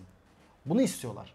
Evet. Bundan dolayı da Suudi Arabistan ve başındaki e, de facto lideri hala çünkü e, aslında Hala veliaht aslında. aslında veliaht e, babası? Salman. Salman e, biraz e, hasta ama aslında MBS yönetiyor. MBS derler. O aslında MBS. MBS 5 trilyon 5 trilyonluk bir bütçe oluşturdu. Bu 5 trilyonluk bütçe bahsettiğim ekonomik anlamda çeşitlenmek için yapılıyor. Turizm, inovasyon, yeni şehirler, yeni ekonomi bunlar için ayrılmış devasa bir bütçe var ve bunun yüzde biri yani yaklaşık 50 milyar dolar futbola ve entertainment'a, eğlenceye ayrıldı. Hı hı. Bundan dolayı da Suudi Arabistan devasa bir e, yatırım ağında. Çin bunu yaptı, Katar bunu yaptı, Birleşik Arap Emirlikleri Tabii yaptı. Katar işte Dünya Kupası'nı almıştı mesela. Aslında bu Ronaldo'nun şeyinin de hemen öncesiydi. Evet. Ya burada evet odaklanmamız gereken kısım hem bir soft power elde etme çabası var. Yani dünyanın dışlamış olduğu, dünya sisteminin içerisinde kabul edilmeyen bir ülkenin Evet. e, artık kendisini dünyanın bir parçası, küreselleşmenin bir parçası kabul ettirme çabası var. Yani Suudi Arabistan artık Ronaldo'nun formasını satın alan çocuklar El Nasr'ın formasını satın almış olacaklar ve e, Suudi Arabistan artık e, ne olduğu belli olmayan gizli kapaklı bir e, şeriat devleti gibi değil de gayet de e, futbol da oynuyormuş ya bunlar Allah Allah E, haram değil miydi onlar da diyeceğimiz bir yere evrildiler. E, bunun tek başına hikaye anlatmaya yeterli olmadığını da biliyoruz. Az önce söylediğin gibi ekonomik bağ, yani ekonomik bağımlılığın petrol gibi e, ya da doğal gaz gibi aslında fosil yakıtlara dayanmasından öte artık işte varlık fonları üzerinden dünyada birçok yerde alımlar yapan ve ekonomik e, asetlerini, varlıklarını e, gen- genişletmeye çalışan ülkeler Evet. söz konusu. Burada hepsinin bir 2030 vizyonu var. Yani Katar'ın var, Birleşik Arap Emirlikleri'nin var, e, Kuveyt'in de var, Suudi Arabistan'da var. En geç Suudi Arabistan'dan geldi Evet. bu arada. E, şunu düşünün. Aramco yani e, Arabistan e, Oil, Oil Company Hı hı. 600 milyar dolarlık bir hasılata sahip ki bu neredeyse Türkiye'nin e, GDP'si kadar Tabii, büyük üçte bir- ikisi. Aynen yani çok büyük bir para. Dünyada en çok geliri olan şirket Aramco. Bazen şeyle kapışıyorlar. Bu e, Amerika'daki zincir mağaza şirketi vardı. Walmart. Aynen Walmart'la falan Hmm. kapışıyorlar ama hani Walmart'ta çok fazla operasyon gideri olduğu için Aramco dünyada en çok kar yapan şirket. Çünkü mesela Apple'ı görüyoruz ya ya da Evet. şu an Intel bunlar hani çok Bunlar hacim olarak Hacı- yani bunlar aynen borsada büyükler. Evet.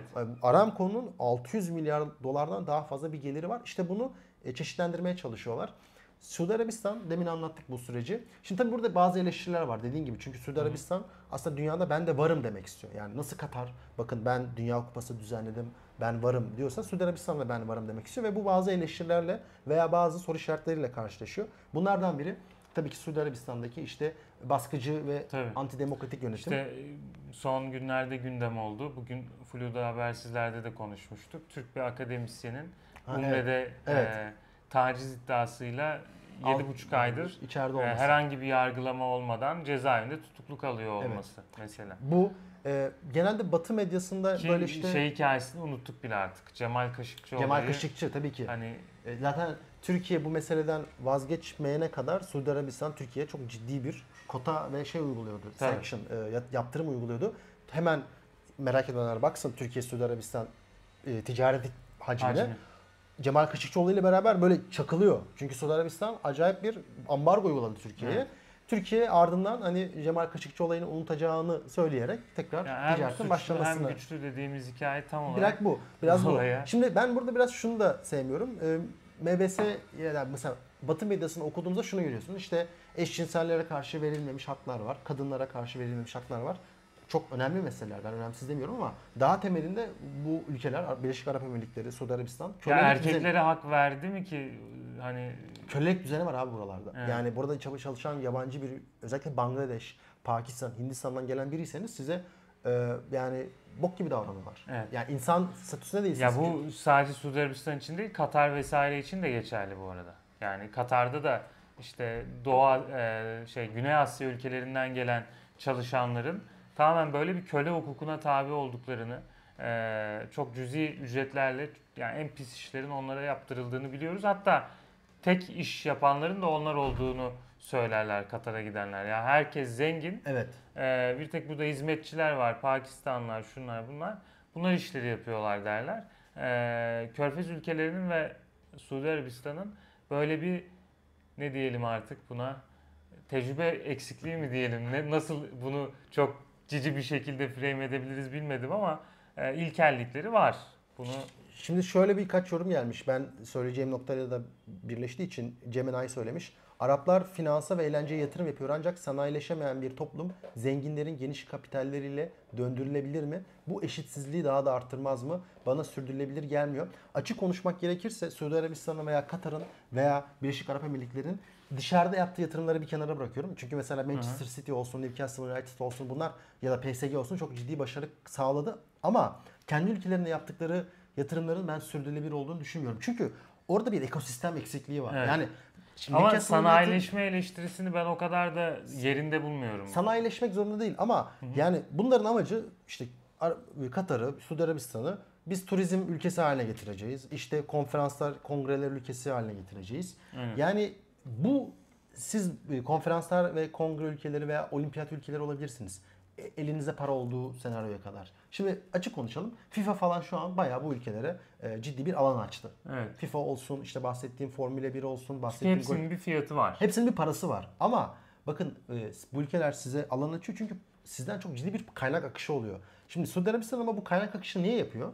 İleride buradan da kaynak geleceğini düşündüğü için. Yani bu- bence ortada şöyle bir çelişki var. Siz buralara kaynak Bir akışını... eleştiriye cevap vermek istiyorum. Şimdi gördüm. Ece demiş ki erkeklere hak verdim iki argümanlar size yakışmıyor. Şimdi mevzumuz şu. Bu ülkeler ataerkil yönetimlere sahip ülkeler ve bu ülkelerde insan haklarının esamesi yok. Yani insan hakları Fransa'da nasıl başlamıştı? Ee, erkek hakları diye çevirebileceğimiz Le Droit de l'Homme e, şeyiyle başlamıştı. Yani burada hak önce erkeklere verildi. Sonra bu hak kadınların mücadelesiyle kadınlara ka- ka- kadar genişletildi. Ama şimdi bu ataerkil ülkelerde erkeklerin bile hukuki bir statüsü yok. Niye bile diyorum? Çünkü bunlar ataerkil yani bileden oradaki kadınlar incinecekse incinebilirler tabii ama yani kadınlar zaten zayıf erkeklere göre. Erkekler güçlü, erkekler hakim hem toplumsal alanda hem siyasi alanda. Güçlü olan erkeklerin bile e, bu güçlerini yansıtabilecek bir hukuki dayanakları yok. O, onu anlatmaya çalışıyorum. Yoksa argümanım hak önce erkeklere verilsin, sonra sıra kadınlara da gelir gibi bir e, mesele değil Yine de ben diye düzeltmiş olayım. Aram B'nin ağlama Ece yorumuna katılmadım. Böyle yorumlar bizim komünitemize yakışmıyor. Ya, aynen. Tabii yakışmıyor. Böyle yorumlar yapmayalım. Şimdi e, bu Suudi Arabistan'ın bahsettiğim projelerin benim neden çalışmayacağını düşündüğüm noktasına geri gelelim. Yani illa bu sanayileşme olmak zorunda değil ama sizin günün sonunda bir çekim ve cazibe noktanızın olma sebebi zaten paranız olması. Evet. Ama zaten siz buraları bir tekrar e, para Paraya dönüştürebilme şeyle satıyorsunuz ve ben bunları çok öngörülebilir görmüyorum. Abi çünkü futbol bile bir aslında ekosistem. Yani Evet. Fransa'da, İngiltere'de, Almanya'da çok ciddi altyapı var. Bu altyapıdan her sene e, onlarca yıldız futbolcu yetişiyor. Burada bir kulüp kültürü oluşmuş. Bu kulüpler e, şu an yarısı falan zarar ediyor. Bunu birazdan sporun endüstrileşmesine gelince konuşuruz ama iyi kötü bir rekabet hissiyatı var. İyi kötü bir futbol spor ruhu var. Bakın bunu sadece spor için konuşuyorum. Turizm ayrı, belki konferanslar, belki endüstri, belki inovasyon çok daha farklı. Ama burada bir ekosistem var. Fakat Suudi Arabistan, Katar ve Birleşik Arap Emirlikleri her şeyi satın alabileceğini düşünüyor. Yani her şeyi parayla hemen pat diye aldım oldu. Yani olmaz. Evet. Yani bu bir ekosistem Ama sonuçta. şu da var. Kardo para parayı çekiyor ya. Eyvallah onda Yani- yani, hiçbir lafım yok. Ama Hani o ekosistemi parayla kurduktan sonra o kurduğun ekosistemde para da kazanabilir hale gelebiliyorsun. Ama dediğin gibi bunlar öngörülebilir şeyler değil. Ee, zaten o yüzden de bu körfez ülkelerinin sepetlerini geniş tuttuklarını görüyoruz. Yani birbirine alternatif birçok e, yatırımlar yapıyorlar varlık fonları üzerinden. E, o sayede aslında bir yerdeki riski bir başka yere yani riski bölüştürerek bunu egale Bak, edebileceklerini şunu düşünüyorum. söyleyeyim. Şunu da bile ben e, bunların projelerin çok çalışmayacağını kani oldum. İşte ekonomiste okuyordum. İşte demiş ki Suudi Arabistan'ın 64 milyon geçen sene turizm e, sayısı olmuş. Yani istatistikleri geçen sene Tabii. Hac ve umreyi saysan zaten tek başına bayağı bir Ama sonra şunu gördüm. 64 milyondan sonra işte şu anki GDP'nin %3'ünü oluşturuyormuş turizm geliri. Evet. Hedefleri de 100 milyon. 100 milyon olunca da GDP'nin %10'unun turizm tarafından oluşturulacağını hedeflemişler. Dedim ki yani 36 milyon artıyor ama turizm geliri 3 katına çıkacak. Ben de Evet. girdim araştırdım. Abi 64 milyon değilmiş turizm sayısı, turist sayısı. Ne İç kadar? göçle beraber 64 milyonmuş. Yani içerideki insanların... yerli turistle birlikte. Aynen iç, iç hareketliliği hesaba katınca 64 milyon. 20 milyon toplam yani dışarıdan gelen göç. Evet. Ki bunun büyük bir bölümü de hac için geliyor. Evet. Asıl yani hacı da kenara kır- e, çıkarınca 3 milyon Hacca gelen 12 milyon civarı oluyor mesela. Evet, Gerçi yani- hepsi dışarıdan gelmiyor ama. 16 milyon e, hac ile bağlantılı. Hı hı. 3 milyon gerçekten turist olarak artık ne kongreye mi geliyor neye geliyor bilmiyorum. Yani asıl 64 milyon rakamı doğru değil. 3 Evet. milyon rakamı doğru. Yani orada bile bu kandırmaya çalışmaları beni rahatsız etti. Ya dolayısıyla şey gibi yani bizim e, TÜİK'ten doğru veri almadan orta vadeli plan hazırlamaya çalışan ekonomistler gibi. Yani senin en temelde kullandığın veriler yanlışsa bu veriye göre yaptığın provizyon yanlış olacak. Biraz işte şey gibi geliyor bana. Böyle havalı sunumlar var, Evet. havalı hedefler var ama bu şey gibi bu işte geleceğin şehri Hah, diye. Neon mesela Neon projesi var bakabilirsiniz. Bu Neon projesi işte bahsettiğim o 5 trilyonluk yatırımın içerisinde ve bunlar yeni bir proje geliştirmiş. Şey çizgi şehir. Yani Evet. Line City diye geçiyor.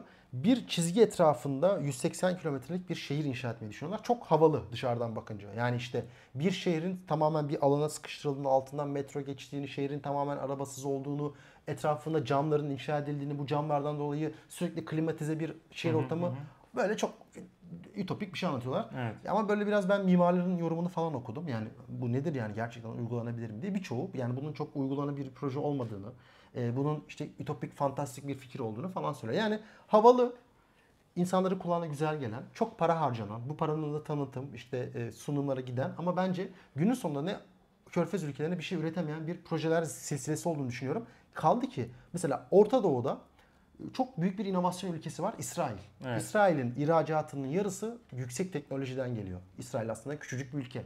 E, herhangi bir tarım arazisi yok ama oradaki devlet ve o ekosistem kendisine öyle bir ortam oluşturdu ki acayip yüksek teknoloji ihracatı Peki yapıyor. Yaşar, Arap Yarımadası'nda İsrail dışında bir başka devlet diyelim ki teknoloji devi olacak ya da devi olmasa bile teknoloji ligine girecek.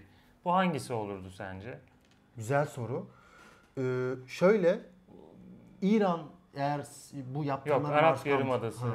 Bence Ürdün olurdu abi. Ürdün Yani, hakkında çok bir bilgim yok. e, niye? Şimdi o körfez ülkelerinin o yerine getirebilecekleri fonksiyonlar belli. Yani özellikle işte Arap e, Denizi, aşağıda Hint Denizi e, ve işte batısında da Afrika olan bir e, yarımadadan bahsediyoruz. Burası aslında ticaret merkezi olmaya oynayabilir küresel anlamda. Limanlarını kullanabilir. Limanlarıyla birlikte aslında iç ticaret yollarını kullanabilir. Buranın dünyaya sunabileceği hikaye birazcık burada. Çünkü yani içerisi bitkisel anlamda verimsiz tamamen yani çöl sonuçta. Ee, tarım yok, hayvancılık yok bunlar mümkün de değil aslında. Böyle bir senaryo içerisinde e, ya fintech çıkabilmesi için bir know-how ihtiyacı da vardır ya İsrail İsrail yapan şey aslında o diasporası yani bütün dünyadan gelen Yahudilerin e, bir şekilde tarihsel olarak zaten o teknolojiyle ilişki kurmuş insanlar olması. Yani Amerika'da işte bu Oppenheimer'ı da izlemişsinizdir. Yani kuantum fiziğini Hitler şey diyormuş, Yahudi bilimi diyormuş Yahudi bilimi mesela. diyor, evet. Yani bu tip hikayeler aslında e, bir tarihsel e, ne diyelim birikimin ürünü oluyorlar. E, o yüzden dedim hani olsa olsa Ürdün olur. O, o da çünkü yani Filistin e, de aslında Arap Yarımadası içerisindeki en gelişmiş topraklardan, toplumlardan birisiydi. Ama şu an oranın parlak insanları e, Arap Yarımadası'nda kalıyorlarsa en fazla Ürdün'e geçiyorlar. Onun dışında hani e, orada tutunabilen insan yok. O yüzden bunu dedim. Yani o yüzden ben hani Suudi Arabistan'ın evet soft power hikayesi e, onu belki Batı bloğuyla daha da yakınlaştıracak. Çünkü ABD ile çok iyi ilişkileri sahip olduğunu biliyoruz. Çok Suudi iyi ama. Çin'le de şu an Çin'le de şu iyi anda- ilişkiler kuruyor. Evet, heh, hikaye tam olarak burada. Yani iki büyük gücün de e, kendisini bırakmak istemediği bir ülke olarak kaldığınız senaryoda siz bu dünya sisteminde var kalırsınız. Tabii ki. Ve Tabii yani. hani zayıflamaz güçlenirsiniz. E, Suudi Arabistan da bunu oynuyor aslında. Bir yandan da aslında Batı bloğunda sempatisini artırmaya çalışıyor. Bunu becerebilecek mi? Zaman gösterecek.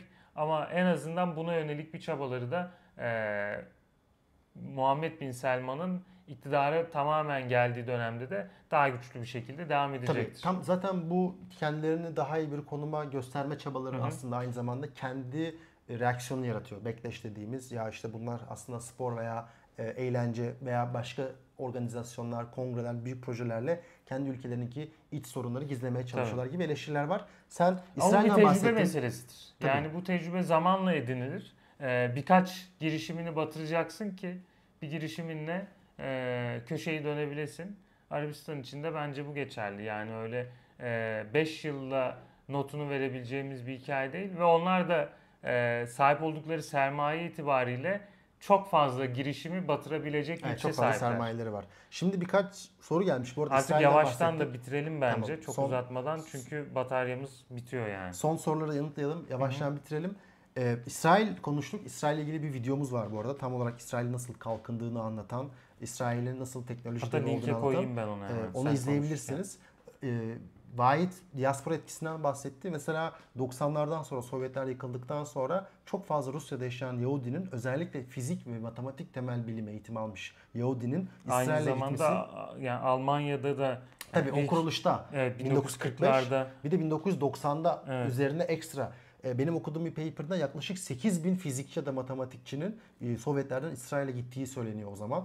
Bunların hepsi iyi eğitimli, hepsi bilim insanı, hepsi sonrasında yüksek teknoloji firmaların know-how ve ARGE bölümlerinde çalışıyor. Ki İsrail mesela bu ekosistem meselesini anlatmamın sebeplerinden biri. İsrail bugün büyük bir teknoloji devi olduysa bunu askeri sanayi üzerinden yaptı. Askeri sanayinin büyük bir bilgi birikimini ve aynı zamanda e, network ağını yarattığını görüyoruz İsrail içerisinde. Ben o yüzden biraz hani bu işler sadece parayla değil, paranın dışında organizasyonel e, yarattığımız kurumlar, e, insanların inandığı ortak değerler, birbirlerini tanıması üzerinden olduğunu söyledim.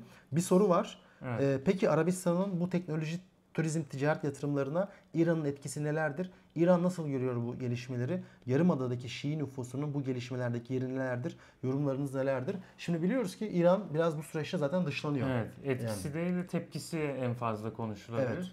Yani İran'ın en başta bence hikayeyi şuraya götürmek lazım. Ee, İran'la ABD arasında imzalanan nükleer anlaşmaların rafa kaldırılması. Evet. Yani o anlaşmalar devam etseydi İran'a çok ciddi bir sermaye akışı olacaktı ve İran e, belki potansiyelini kullanmaya başlayacaktı ama şu an e, İran'ın biraz gerileyen bir güç olduğunu görüyoruz. Ve aslında çok seçeneği de kalmamış bir ülke. Yani hani güçlenen bir İran'a karşı tedbir alınıyor gibi bir şey de söz konusu değil. İran'ın dışlanmışlığını anlatırken. Aksine gittikçe zayıflayan, senin de dediğin gibi geride kalan bir O yüzden şahinleşen de bir ülke. Evet. Yani Suriye'de falan etkinliğini artırıyor. Burada işte bir game changer'a ihtiyacı var İran'ın. Hani bir müddet Çin'in bu oyunu değiştirecek e, aktör olmasını bekledi e, uzmanlar. Ama İran Çin de o kadar ilgilenmedi Ama mesele. Çin hem o kadar ilgilenmedi hem de o kadar yakın bir güç değil Evet. bölgeye. Yani Çin şu an hani nasıl diyelim e, ne İngiltere ne Fransa ne de ABD kadar Orta Doğu'ya yakınlığı olan bir ülke. Yani Çin evet Orta Asya'da gittikçe güçleniyor. Zaten Asya Pasifik'te artık e, en büyük iki aktörden birisi belki bazı noktalarda Amerika'dan daha güçlü bir aktör olmuş durumda. Ama Çin'in Orta Doğu'ya girmek için o kadar da hevesli olmadığını görebiliyoruz. Özellikle e, çatışmalı alanlara Çin girmek istemiyor. Yani Çin'in e, siyasi olarak otoritenin sorgulanmadığı, e, sorgulanmayan otoritelerle çalışmayı sevdiğini biliyoruz. O yüzden de İran konusu Biraz Çin'in de aynen o kadar olmadı. olmadı. O yüzden İran'ı biraz gerileyen bir kuvvet olarak görebiliriz. Zaten Körfez ülkeleri biraz İran'ın sesini o konuda Evet. bastırdı. Son- belki iki e, kaybeden olarak Rusya ve İran'ın yakın Diyebiliriz. zamanda Hatta şunu düşünün yani e. İsrail bile Körfez ülkeleri arasında düzeltiyor yavaş yavaş. Tabii. Yani anlaşmalar düzenliyor, sermaye akışı oluyor, bilgi akışı olacak. işte bu da yine Çin yani aslında İran'a Trump karşı öveceğim yine ama yani bu Trump'ın başlattığı bir e, silsileydi. İlk etapta Körfez ülkelerinin ve Suudi Arabistan'ın e, Mısır'la daha sonra bu bütün Arap ülkelerinin İsrail'le e, barıştırılması gibi bir projesi vardı Trump'ın. E, ve Biden döneminde de aslında bu dış politika terk edilmedi, sürdürüldü, devam Evet. ettirildi. Ve artık hani e, Türkiye ve Katar da e, ilk etapta bu işbirliğinin dışında bırakılmış gözüken bu iki ülkede bir şekilde o sofraya dahil olmaya başladılar. Progresif demokratlar biraz daha Filistin ve e, İran taraftarı kaldı bu süreçte ama daha cumhuriyetçiler ve merkez demokratlar Hı hı. e, Suudi Arabistan, Mısır ve İsrail. Zaten Amerika'nın bölgedeki en büyük üç partneri İsrail, Mısır, Suudi Arabistan'dır. Hı hı. Son olarak e, spor endüstrisine dair bir şeyler söyleyelim ve kapatalım. Evet. Sp- Yani bu aslında tartışmanın temeli spor endüstrisi ve sporun bu kadar e, kapitalizme ayak uydurması. Ama bir yandan da kaçınılmaz bir süreç olarak gözüküyor. Çünkü mesela Serie A'da bile, pardon e, İngiltere Premier Ligi'nde bile kulüplerin yarısı geçen sene zarar etmiş. Dolayısıyla siz eğer bu sermaye akışına girmediğinizde, siz bu meseleye biraz daha kapitalizm açısından bakmadığınızda geride kaldığınız bir oyunun içerisindesiniz. Düşünün Newcastle United e, satın alınmadan önce hikayesi olan ama artık pek esamesi okunmayan bir kulüpken son zamanlarda Şampiyonlar Ligi'ne dahi giden bir kulüp oldu. Manchester City zaten şu an dünyanın en güçlü kulüplerinden biri. E, Serie A'da mesela şu an İtalya'da şey tartışmaları var. Yani biz niye gerideyiz? Biz Evet. de futbolda reformlar yapalım. E, mesela bugün Türkiye'de kulüplerin biraz Avrupa'daki başarısının azalması sebeplerinden biri e, aslında bir sermayeler olmamaları. Sermaye olmayınca dışarıdan futbolcu gelmiyor, altyapı kuramıyorsunuz. Sürekli borç batağındasınız ve kötü yönetime tabi tutuluyorsunuz. Ve bu sadece futbola sınırlı da değil. Mesela Formula 1'i düşünün. Formula 1 2-3 sene öncesine kadar pek esamesi okunmayan bir e, spordu. Endüstriydi. Ya şöyle bitmişti biraz hikayesi. Netflix'te bir belgesel yapıldı. Hı hı. Yeni sahipleri ortaya çıktı. Ülkelerle yeni anlaşmalar yapıldı ve şu an tekrar çok güçlü bir fan kitlesi kazandı. Yani medya, endüstri Ben ve şöyle spor el ele biraz. kardeşim. Formula 1'de Hamilton denen kanserden kurtulduk. Formula 1 tekrar şaha kalktı. Bunun başka bir açıklaması yoktur. Spor endüstrisi Linç gittikçe gelişiyor. Hamilton'culardan 2020'den beri tam 100 milyar dolar spora para ayrılmış ve bu rakamın artacağı öngörülüyor. Yani 100 milyarlık. Kim tarafından? Genel olarak bütün yatırımcılar, Bütün private equity dediğimiz hani e, halka arz gibi değil de birileri gidip satın alıyor Hı hı. vesaire. 100 milyar dolar ve bakalım Türkiye'de bu tartışmalar nasıl gerçekleşecek? Şu an bizim kulüpler biraz vakıf gibi hani e, Evet. tam o kapitalist mantıkta yönetilmiyor ama yani bu da aslında kendi içerisinde bir başarısızlık silsilesi getiriyor. Bunu bu kapitalist mantığa en yakın yönetilen kulüp de Galatasaray gibi geliyor bana ya. Bir Fenerbahçeli olarak uzaktan izliyorum. Fenerbahçeler şu an çıldırıyor. Şirk, yani Galatasaray AŞ zaten hani daha bir şirket gibi yönetilmeye e, her ne kadar o ne diyelim oligarşik yapısı itibariyle müsait olmasa bile daha e, eff- efficiency merkezli yönetiliyor. Fenerbahçe, Beşiktaş bunlar Yani mesela Beşiktaş geçen hafta çok ciddi bir borç açıkladı. 460 milyon Türk lirası mı ne? Bizim bütün kulüpler borçlu zaten. Bu bir kere şunu gösteriyor. Yani bizim büyük kulüplerimiz bile e, başarı ve verimlilik odaklı değil de böyle daha karmaşık siyasi ve e, kendi içerisinde spora dair yolsuz ilişkiler ağına sahip. Bu da tabii ki başarısızlığı beraberine getiriyor ama tüm dünya ise farklı bir yöne gidiyor. Spor endüstrisi ve Suudi Arabistan meselesiyle bu dosyayı konuşmuş olduk. Çok Evet. bilgilendirici bir canlı yayın. Lütfen bu yayınları devam edin. Siz bizi destekleyin. Finansal olarak arkadaşlarınızı önerin. Bu yayını beğenin. Biz tabii ki bu yayınları yapmaya çok hevesliyiz. Ee, emin olun. Çok Benim birkaç talebim var. Bir, e, desteklerinize tabii ki çok müteşekkiriz ama bu desteklerinizi e, eleştirilerinizle, yorumlarınızla da gösterebilirsiniz. Sadece işte bardak almak, e, katıl üyesi olmak vesaire değil. Bunun ötesinde yani en önemli olan hikaye bizim için bizi e, arkadaşlarınızla paylaşmanız, çevrenizle paylaşmanız, bize yorum yapmanız. Hatta ne bileyim şimdi bu canlı yayında ben 3 kere galiba kamera kapandı. Ya bu tip böyle gözünüze çarpan hataları, eksiklikleri söyleseniz bize bu feedbackleri vermeniz bile bu video özelinde söylemiyorum, genel olarak söylüyorum. Bunlar bile bizim için çok kıymetli. Çünkü seyirciyle etkileşime girmek bizi aslında en çok motive eden Tabii. hikayelerden birisi. Tabii ki de. Bugün e, rejimizde Yunus Efe vardı. Yunus Efe bizim gönüllü kurgucularımızdandı. Bugün e, rejiye de oturttuk. E, Yaşar'a çok teşekkür ediyorum. Bir yandan da Weekly ekibine yani haber bülteni ekibimize de bir teşekkür etmemiz lazım. Büşra Akta tasarımcısı. Geçen hafta söylemeyi unutmuştum. Selin İlken'in editörlüğünde e, çıkıyor Weekly. Aynı zamanda Ogün Törer, Serhat, Serhat Onur, e, Kaan Avşar, Aslı Tamay ve Ceyda Nur Çağırkan var bizim Weekly ekibinde. Evet. isimlerini vermiş ve onları da buradan teşekkür etmiş Renan related görseller kullanmanız haberlerde iyi olabilir demiş. Arkadaşlar bütün inovasyonları tek bir bölümde getirmiyoruz. Bir sonraki bölümlerde dediğiniz gibi Şöyle bir şey yapacağım bundan videolar, sonra. fotoğraflar gelecek. Onların hepsi aklımızda. Ee, Flu'da da var ya böyle sağ altta bir bağış e, barı var. Ee, ne kadar para gelirse ona göre bir şeyler vaat edebiliriz. Biri şu an 200 lira bağış yapacağını söylese karşında ne yaparsın? işte Göbek bu- atıp oynar mısın? Hayır hayır. Ondan ziyade daha yayını e, güzelleştirecek parçalar var ya. Yani görsel bulmak vesaire bu tip şeyler e, yayını geliştirecek adımlar. Biz bunları adım adım atalım. Evet. E, bu adım adım atışları da şeyler e, takip etsin. Seyirciden gelen bağışlar takip etsin. Yani böyle şey açılıyor gibi olsun. Ne denir ona? Bir böyle bir yeni level açılıyor. açılıyor gibi olsun. Ee, atıyorum bu ye- eyvah yayın mı gitti? Yo, devam etsin. Atıyorum bu yayında 250 lira bağışı görünce bundan sonraki yayınlarda KJ olacak. KJ diyelim. olacak. Abi İşte 1000 biz liralık çok temel şeyler için para istiyoruz ya. hani KJ için. ama bu böyle bir şeydir ya. Seyirciyle bir oyunun içine giriyoruz burada sonuçta. Bence bu oyunu keyifli yapacak bir şey de olabilir. Evet. 200 lira bağıştan sonra KJ, 500 liradan sonra haberlerle ilgili görseller geliyor falan filan. Emir diyor ki 200 lirayla nasıl bir güzelleşme olabilir ki abi Starbucks kahvesi mi koyacaksınız? İşte 10 kişi 200 lira verse falan gibi böyle bir Of. gideceğiz. Ondan sonra devam edeceğiz. Görüntümüz, Geldi mi görüntü Görüntümüz tekrar? şu an Görüntü gelmedi. gelmedi. Evet. O zaman biz yavaştan kapatalım Yavaştan mı? kapatalım. Belki batarya bitmiştir Evet. kamerada. Evet e, arkadaşlar bizi dinlediğiniz için çok teşekkür ediyoruz. Şu an muhtemelen sadece sesimi duyuyorsunuz ama bence çok önemli konular konuştuk.